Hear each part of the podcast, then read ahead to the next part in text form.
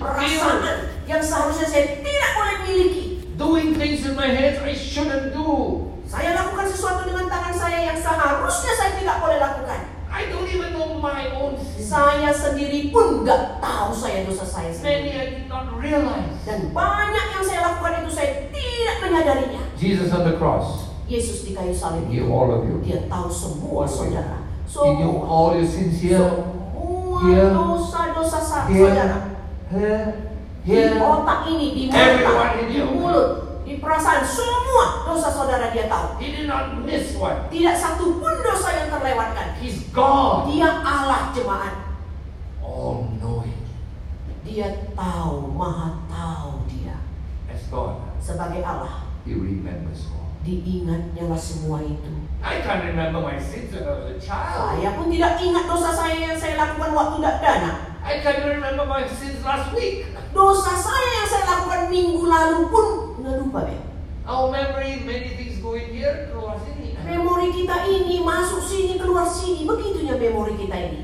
You know Jesus on the cross? Tapi saudara tahu Yesus di kayu salib He itu? knew all of you. Dia tahu semua saudara. Every one of your sins. Setiap dosa-dosa saudara dia tahu. He remembered all. Diingat semuanya itu. He didn't forget one. Tak satu pun dilupakan oleh And on Yesus. that cross, Dan di kayu salib itu He took every sin. diambilnya setiap dosa. He didn't miss. Tak satu pun dosa yang tersisa. If you had eyes, spiritual eyes to see Jesus on the cross, you will see a gunung of sins. Jika saudara memiliki mata rohani, melihat Yesus tergantung di kayu salib, maka saudara akan melihat segunung banyaknya dosa yang The dipikul oleh Yesus. Bahkan gunung itu pun bisa menggapai kepada langit-langit tinggi. And not one was his own sin. Dan tak satu pun dosanya yang dipikul oleh dia. Everyone was your sin. Tapi semua dosa yang dipikul adalah dosa saudara semua. Tetapi sebagai Allah, He cannot feel pain. dia tidak bisa merasakan He sakit. cannot feel malu. Dia tidak bisa merasakan He malu. cannot shed Dia tidak bisa mencucurkan darah. cannot die. Dia tidak bisa mati sebagai Allah. That's why he had to be 100% God and 100% Karena itulah dia harus menjadi 100% Allah dan 100% manusia. As man. Sebagai manusia. Dia bisa menanggung semua rasa malu dosa. Dia bisa menderita. Dia bisa mencucurkan darah. Dia bisa mati jemaat. You see, that's why we celebrate Karinata. Karena itulah kita merayakan hari Natal. Because this baby is special. Karena bayi ini begitu spesial sekali. 100% God. 100% Allah. 100% man. 100% manusia. Nobody else can be a Tidak savior. ada yang lain yang bisa menjadi juru penyelamat. You can have gurus, you can have nabis, you can have every kind Kita of bisa person, punya- but one savior. Guru, kita punya bisa punya nabi, bisa punya yang lain, tetapi kita hanya punya satu juru penyelamat. Only one Hanya satu orang yang bisa pergi ke kayu salib itu and do the perfect. dan melakukan pekerjaan yang sempurna. God, man in one. Allah manusia di dalam satu pribadi. So number one point, Jadi poin yang pertama jemaat the perfect savior. yaitu juru selamat yang sempurna. Point two, Nah sekarang poin yang kedua the perfect work. Pekerjaan yang sempurna. When he went on the cross, Ketika dia pergi ke kayu salib, dia mengambil semua dosa kita. Dia menderita untuk semua dosa kita. We cannot really understand. Kita tidak mengerti hal ini. Sometimes we say, yeah, I know he was beaten. Karena He kita was berkata, aku tahu memang dia dicampuk, dia dipukul. That's not the real suffering. Itu bukan penderitaan yang The sesungguhnya jemaat. punishing him for our. Penderitaannya yang sesungguhnya adalah ketika Allah menghukum dia karena dosa-dosa kita. And you know, Jesus willingly went to that cross Dan Yesus benar-benar pergi ke kayu salib to take our suffering. untuk mengambil penderitaan kita He ini, doesn't dosa want any of you to suffer. Dia tidak ingin satu orang pun cuma di sini yang menderita. He willingly. Tapi dia dengan sangat kerelaan yang besar pergi ke sana mengambil itu semua. Before I became a pendeta, I was a doctor. Sebelum saya menjadi pendeta, saya adalah seorang dokter jasmani. I used to work in the Singapore General Hospital. Saya dulunya bekerja di rumah sakit umum di Singapura. And the General Hospital in those days, 1970s, Tahun-tahun 70-an dulu di rumah sakit umum, we were just beginning to do kidney kami baru saja belajar untuk mengadakan uh, ginjal, penggantian ginjal. transplantasi, right? Transplant. When somebody had a bad kidney, we find a donor and we Kalau give ada- kidney. Orang yang sakit ginjal, kita akan cari donatur untuk ginjal dan kita ganti ginjalnya. The hardest part about kidney transplant is not the operation. The hardest part Pekerjaan is to find donors. Pekerjaan yang paling susah dalam opera, dalam penyakit ini bukan operasinya, tetapi mencari ginjalnya itu. Nobody wants to give kidney. Gak ada yang mau memberikan ginjalnya. But when a child Tetapi kalau ada satu orang anak, needs a kidney, dia perlu ginjal baru, no problem. nggak ada donor. masalah. Pasti dapat donornya. Why? Kenapa? Who will donate? Siapa yang akan mendonasikan? Mother. Mamanya. Always the mother will come. Oh, mamanya akan memberikan. You don't need to ask. The mother will come. Ditanya, mamanya akan datang sendiri Doc, take my kidney. dan berkata, dokter ambil ginjalku ini. And you have to say, wait, wait, check first, check dulu. Dokter akan berkata, PT Jo, dicek majo. If we don't check, we take your kidney out. Kalau nggak dicek, kami ambil ginjalmu, kau yang menderita nanti inang. You know what the inang will say? Tapi kalian tahu apa kata inangnya? Inang ini. Doctor, never mind. Oh dokter, dang pola behai. I suffer, Biar aku yang menderita. but not my anak. Jangan anakku sakit menderita. Why does mothers do this? Kenapa seorang ibu melakukan ini? Because mothers love their children. Karena seorang ibu sangat mencintai They don't anaknya. want to see their children Dia suffer. tidak bisa melihat anaknya menderita. You know why Jesus went to the cross? Kalian tahu kenapa Yesus pergi ke kayu salib? Because he loves you. Karena dia mencintai saudara semua. Karena dia tidak mau melihat saudara melihat saya pergi ke neraka. He came Dia datang willingly. dengan rela. He went to the cross Dia pergi ke kayu willingly salib dengan rela juga and took our place. dan mengambil tempat kita. That man would beat him and God would punish him. Manusia menghukum dia dan Allah menghukum dia juga. So that you and I Supaya saudara dan saya do not need to go and suffer. tidak perlu menderita. Today, if you have your Bibles, turn to John 19, verse 30. Sekarang kita punya Alkitab, mari kita buka Yohanes 19 ayat 30.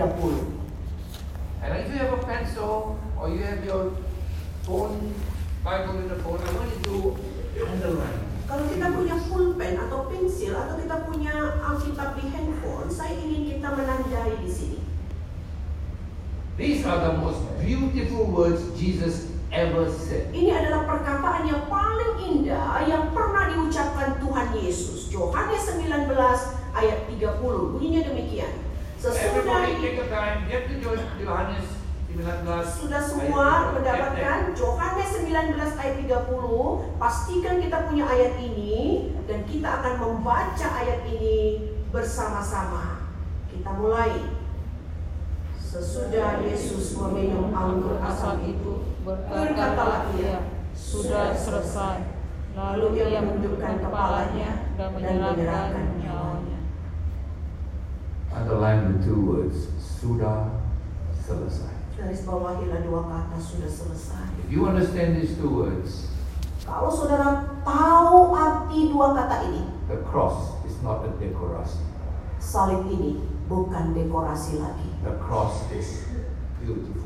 Salib ini menjadi hal yang sangat indah sekali. You know, when Jesus was on the cross, Nah saudara tahu ketika Yesus di kayu salib, The Bible says from 9 o'clock to 3 o'clock, Jesus was on the cross. Alkitab berkata, mulai dari jam 9 pagi sampai jam 3 sore, Yesus ada di kayu salib itu. From 9 o'clock to noon, Dari jam 9 sampai jam 12, everybody could see him. semua orang bisa melihat Yesus.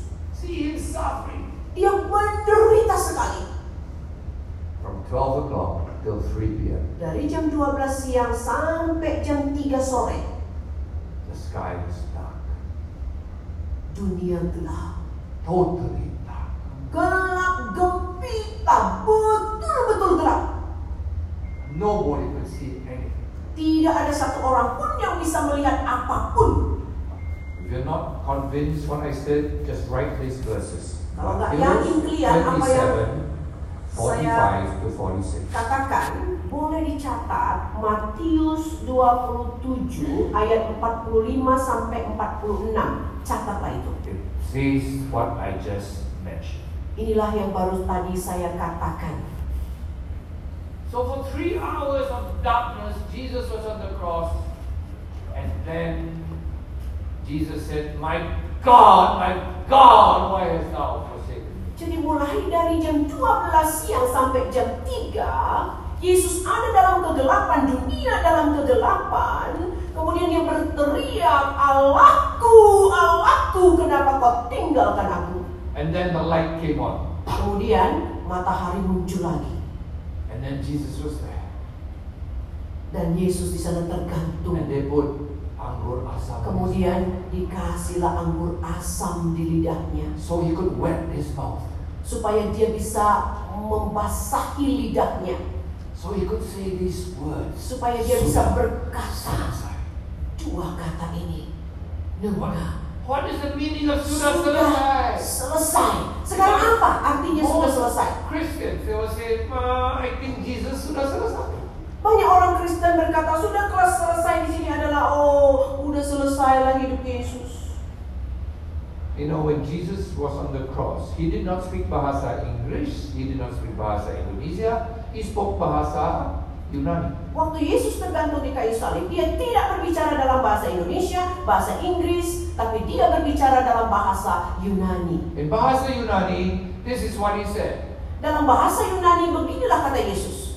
Not sudah selesai, but he said, Tetelestai. Bukan sudah selesai katanya, bukan sununga marujung katanya, tapi dia berkata tetelestai.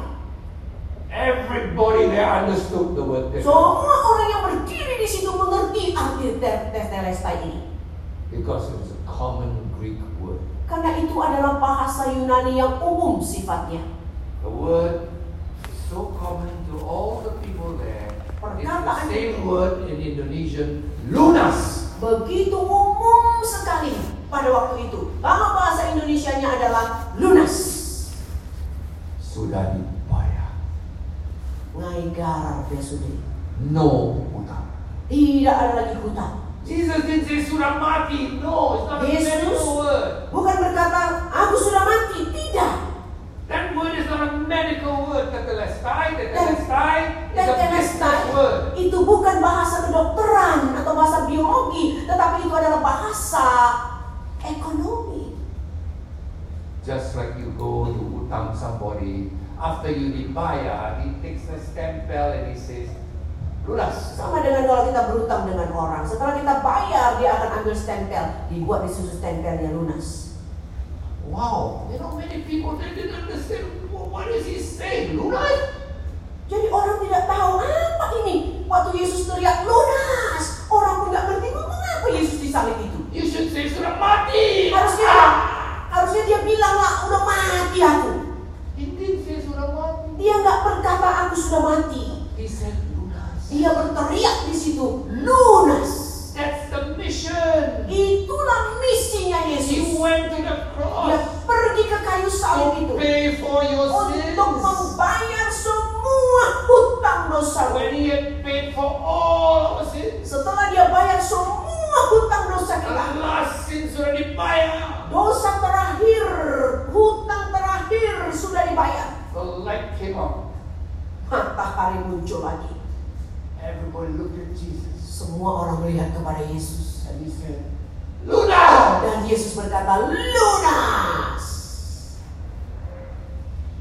You know, my friend, Nah, saudaraku sekalian, many people think this is symbol mati. banyak orang pikir silang ini tanda hamateon.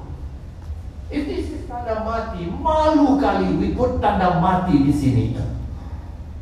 Every religion will laugh at us. Semua agama akan mentertawakan kita kalau kita gantung tanda mati di sini.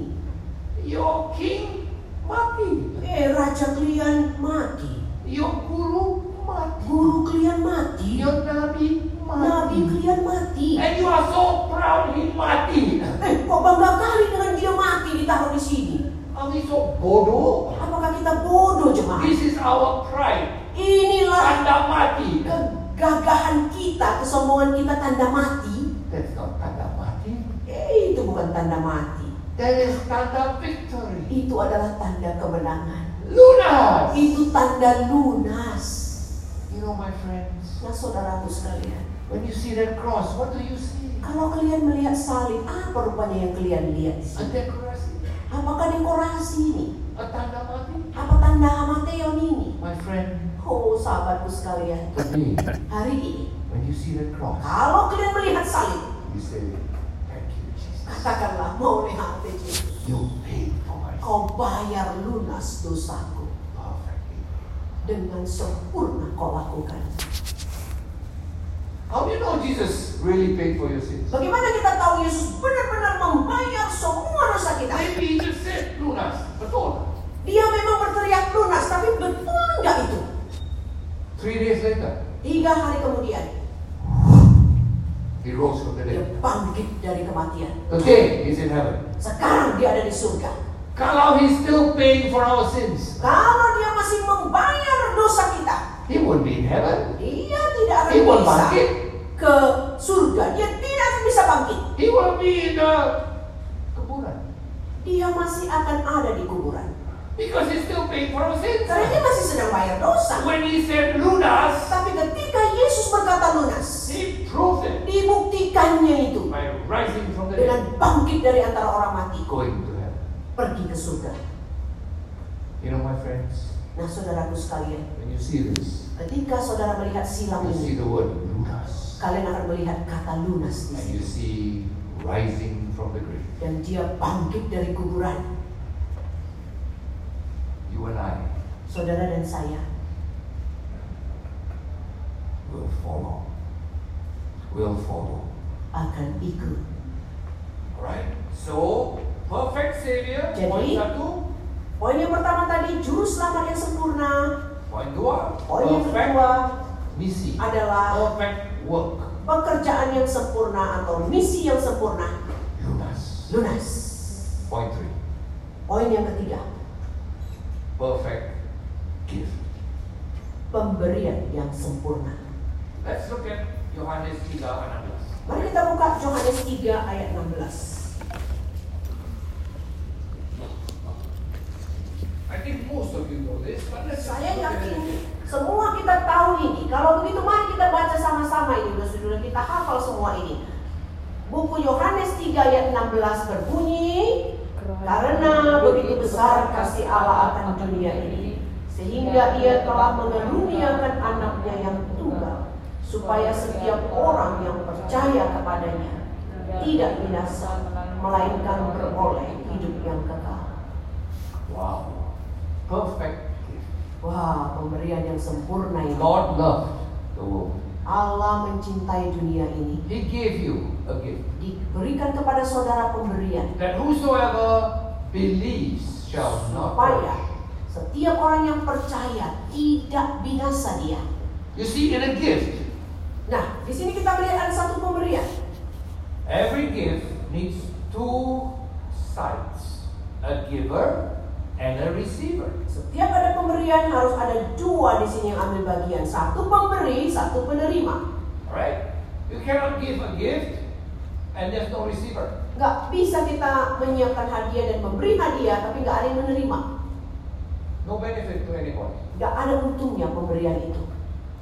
A gift is only a blessing when there's a receiver. Jadi satu pemberian akan menjadi berkat jika ada sang penerima. Alright, I give example. I say, alright everybody, I want to give a free iPad. Saya kasih contoh. Oke semua orang saya akan memberikan tiga iPad. Just come up and receive your iPad. Mari datang dan terima iPad ini. And nobody comes up. Terus nggak ada yang datang ke sini. Nothing happens. Nggak ada yang terjadi dengan iPad saya I ya. said, hey, free iPad. Anybody who comes up, get an iPad. Eh, ada tiga iPad di sini. Setiap orang yang mau datang, Nobody comes. nggak ada yang datang. Nothing happens. Berarti nggak ada yang terjadi apa-apa. You see, God is a giver. Jadi Allah adalah sang pemberi. Bible says, for God so loved the world, He gave. Allah berkata, karena begitu besar kasih Allah dan dunia ini sehingga ia memberi, mengaruniakan. But we need receivers. Tetapi kita perlu sang penerima penerima whosoever receives supaya setiap orang yang menerima itu tidak binasa melainkan beroleh hidup yang kekal. You see, many of us are born in Christian environments. Many of us. Kebanyakan kita adalah lahir dari tengah-tengah keluarga I was Kristen. born in a Christian home. Saya pun lahir dari tengah-tengah keluarga Kristen. People ask me, are you Christian? Kalau kalian bertanya kepada saya, orang bertanya kepada saya, kau orang Kristen? Of course. Iyalah, aku orang Kristen. My father is Christian, mother Christian, grandfather Christian, Kristen, mamaku Kristen, opungku Kristen, tulangku Kristen. It's in my KTP. Perema KTP ku Kristen. Yeah, the government says you're Christian. Iya, pemerintah berkata kau orang Kristen. But Jesus said, Tapi apa kata Yesus? have you received? Apa kau udah terima dia? Not has your papa received the gift? Bukan Not has your grandfather received the gift? Bukan apa Whosoever receives. Bapak menerima dia atau opung menerima dia, tetapi katanya di sini adalah setiap orang yang percaya, yang menerima dia. You have to do it yourself. Artinya kita pribadi harus lakukan itu secara pribadi. It's like if I'm thirsty, I said, eh, I'm thirsty. Give me some water. Give me some water. Seperti saya contohnya haus, eh kasihkan aku minum. Then I said, ah, Ibu, you drink for me. I'm very busy. You drink for me. Kemudian saya bilang, ah, ibu minumkanlah dulu untukku ya, aku agak sibuk. Bisa. Bisa nggak seperti itu? Bisa. Even if I'm president, even I'm raja. Raja pun saya, do for me. I have to minum sendiri. presiden pun saya, tak ada yang bisa melakukan ini kecuali aku minum sendiri. Sometimes you say, oh, we need to get vaccination, vaccination. Ya. takut. Ma, you take for me, ma. Nggak bisa. Sedang kala ada pengumuman, kita harus ambil vaksinasi. Terus datang kita, mak, mama lagi suntik ya untukku. Nggak bisa. Yang oi somani. Whosoever believes, Setiap orang yang percaya, have you personally believed? apakah saudara sudah secara pribadi percaya? God gave. Allah Jesus memberi Christ. Yesus Kristus. Jesus did a perfect work. Yesus melakukan pekerjaan yang Baik. sempurna. Setiap orang. Tetapi setiap orang You have saja. to say, yes, Lord, I believe. Jadi setiap kita harus berkata, iya Tuhan, aku percaya. I believe on that cross. Aku percaya di kayu salib You itu. took all my sins. Kau ambil semua dosaku. You suffered for all Kau my sins. menderita untuk semua And dosaku. you said, Dan Lunas, kau berkata lunas. I believe. Aku percaya itu. You see, I didn't know that. Nobody told me. Saya dulu nggak tahu ini, nggak ada yang memberitahukan ini kepada I saya. thought, in my KTP, I'm a Christian. In my KTP, I'm a Saya Christian. pikir kalau di KTP saya orang Kristen, I go to Christian school. aku masuk sekolah Kristen, I went to Christian aku church. pergi ke gereja Kristen. Jesus say supaya setiap orang pergi gereja, supaya setiap orang ada uh, uh, in KTP you're a Christian. No, supaya setiap orang yang percaya. Have you personally believe? Apakah Bapak Ibu udah secara pribadi percaya? It's not automatis. Dan otomatis. If you are Muslim, you are born Muslim, you you're born your papa Muslim, ibu Muslim, you automatis Muslim. It's automatis, right? If you're Indonesian citizen, papa Indonesian, mother Indonesian, you are born automatis Indonesian. But Christian, Tetapi kekristenan tidak otomatis. supaya setiap orang yang percaya, not your papa, bukan karena bapak kita Kristen. So the point is, someone wants to give you a gift. Jadi ada yang ingin memberikan hadiah kepada If I, saudara. if I give you minuman, you open your mouth. Kalau saya "Terima kasih kasih." minum, kita buka mulut kita ini kita minumkan. If I give you iPad, you pakai tangan. Kalau kita dikasih kasih. iPad, ambil tangan kita, kita terima dengan tangan kita. When God gives you Jesus, you buka sini. Tetapi ketika Allah memberikan Yesus, Percaya. kita buka hati kita. Yes, Lord, I believe. Kita percaya dan katakan, ya Tuhan, aku percaya. Aku orang berdosa Tuhan. Thank you, you gave Terima Jesus. kasih kau memberikan Yesus untukku. And he did a perfect Dan work. dia melakukan pekerjaan yang Oh, sempurna untuk semua dosaku. Aku percaya. Have you done that? Sudah belum kalian lakukan ini? Supaya setiap orang, Supaya setiap orang yang percaya. nobody can do it for you. Gak ada orang yang bisa melakukan ini untuk Bapak Ibu sekalian. You. Saudara secara pribadi harus melakukannya itu. you can do it now. Bisa kita lakukan can itu. Sekarang pun kita bisa lakukan itu. Between you and God. Between you and God. Antara saudara dan Tuhan pribadi. Just say, Lord, I believe. Katakan Tuhan, aku Jesus percaya. all my Yesus mati untuk semua dosaku. I trust Him as my Savior. Aku percaya Yesus ini sebagai juru penyelamat jiwaku. And you know what it says? Supaya setiap orang yang percaya tidak binasa. But have everlasting life. Tetapi beroleh hidup yang kekal. What's the meaning? Apa artinya? If there's gempa bumi in Singapore. Kalau terjadi gempa bumi di Singapura, contoh ya, Huh? And this thing pecah. kemudian oh, di atas saya ini pecah, What will happen to me? Jatuh menimpa saya. Apalah yang terjadi dengan saya? Alright? I'm a believer. I believe Jesus died for my Saya sins. orang percaya, saya percaya Yesus mati. back my head, kepala saya. pecah, otak keluar. Waktu ini menimpa saya, pecah otak saya, berantakan otak saya. This is what will happen. Ini yang akan terjadi. My mouth will say, Ah! Mulut saya akan berteriak, ayo. My soul will say, Tapi jiwa saya akan berkata,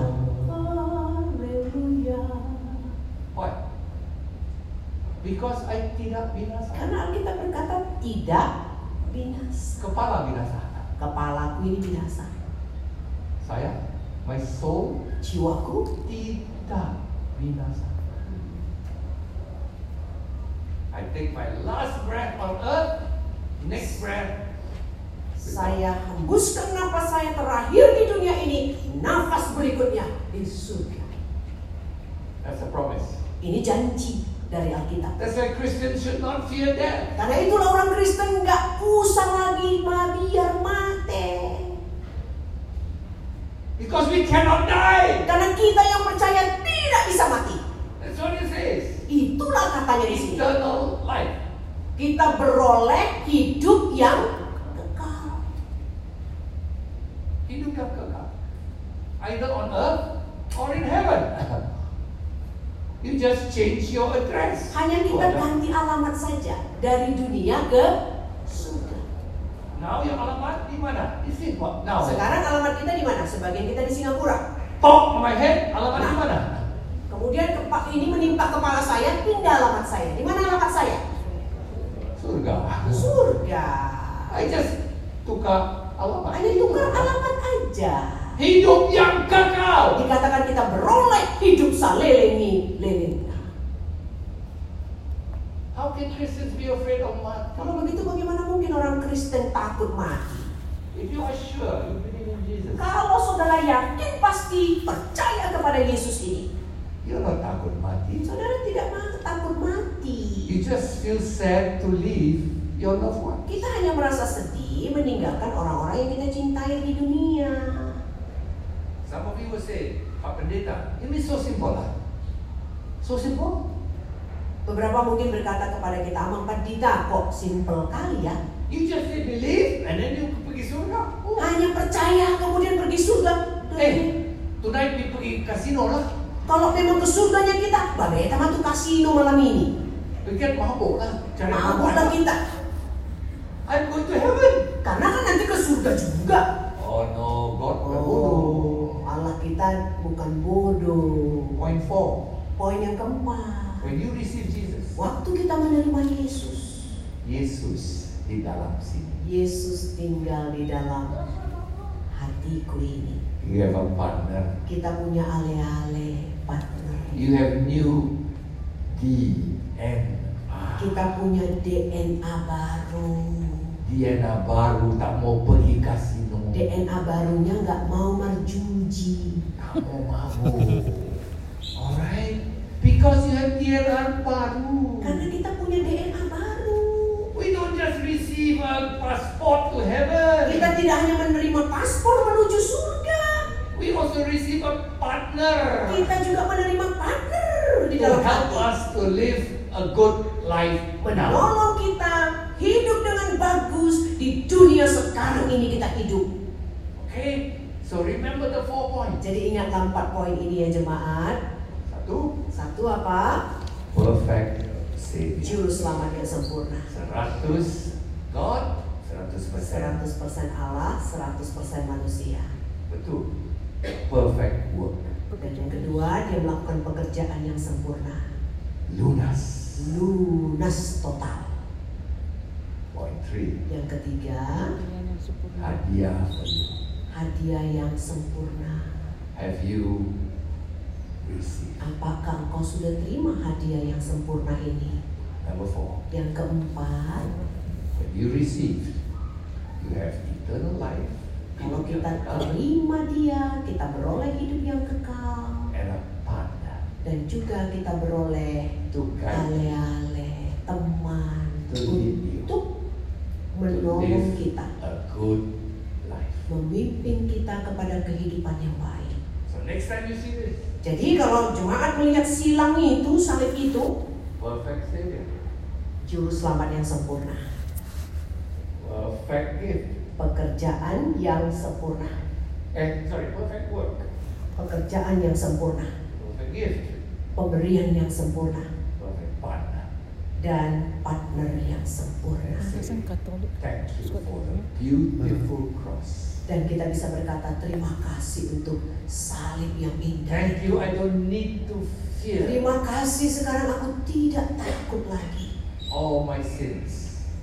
Let's look now back to Micah chapter 7 Sekarang kita akan akhiri, kita buka lagi buku Mika pasal yang ketujuh tadi. and verse 19 again. Ayat yang ke-19. Mika 7:19. Biarlah ia kembali menyayangi kita, menghapuskan kesalahan-kesalahan kita dan melemparkan segala dosa kita ke dalam tubir-tubir laut. Bye bye to dosa. All buang in the laut. Semua dibuang ke laut. Thank you, Jesus. Terima kasih Yesus. Alright, so I hope today Jadi you saya see that berharap cross, jemaat kalau melihat oh, salib four things will come out. langsung di dalam benak kita, uh, empat poin. Right? But tak cukup when you only know. Tapi nggak cukup dah Bang, kalau hanya tahu saja. You must believe. Tapi kita harus percaya. Right? So today, Jadi hari ini be careful of kemacetan. Hati-hati Many ya. people tahu, Pak, tahu, I know, I know. Hati-hati dengan kebacetan. Banyak orang berkata, ngawat tusi bapak, ngawat tusi. Not asking you, you tahu. Even setan pun tahu ini. Setan pun tahu. I'm asking you, do you believe? Tapi yang saya tanya adalah apakah kau percaya? Mari kita berdoa. Father, thank you for this simple cross. Bapak terima kasih untuk salib yang sederhana ini. Thank you for the four perfect things. Terima kasih untuk empat yang sempurna. Thank you, Lord, for this wonderful gift. Terima kasih untuk pemberian yang sempurna ini. We pray that everyone here Kami berdoa biarlah setiap orang di sini will say, I receive Jesus personally. akan berkata, aku menerima Yesus secara pribadi. For as the one who paid for all my sins Yang telah membayar semua dosa-dosaku.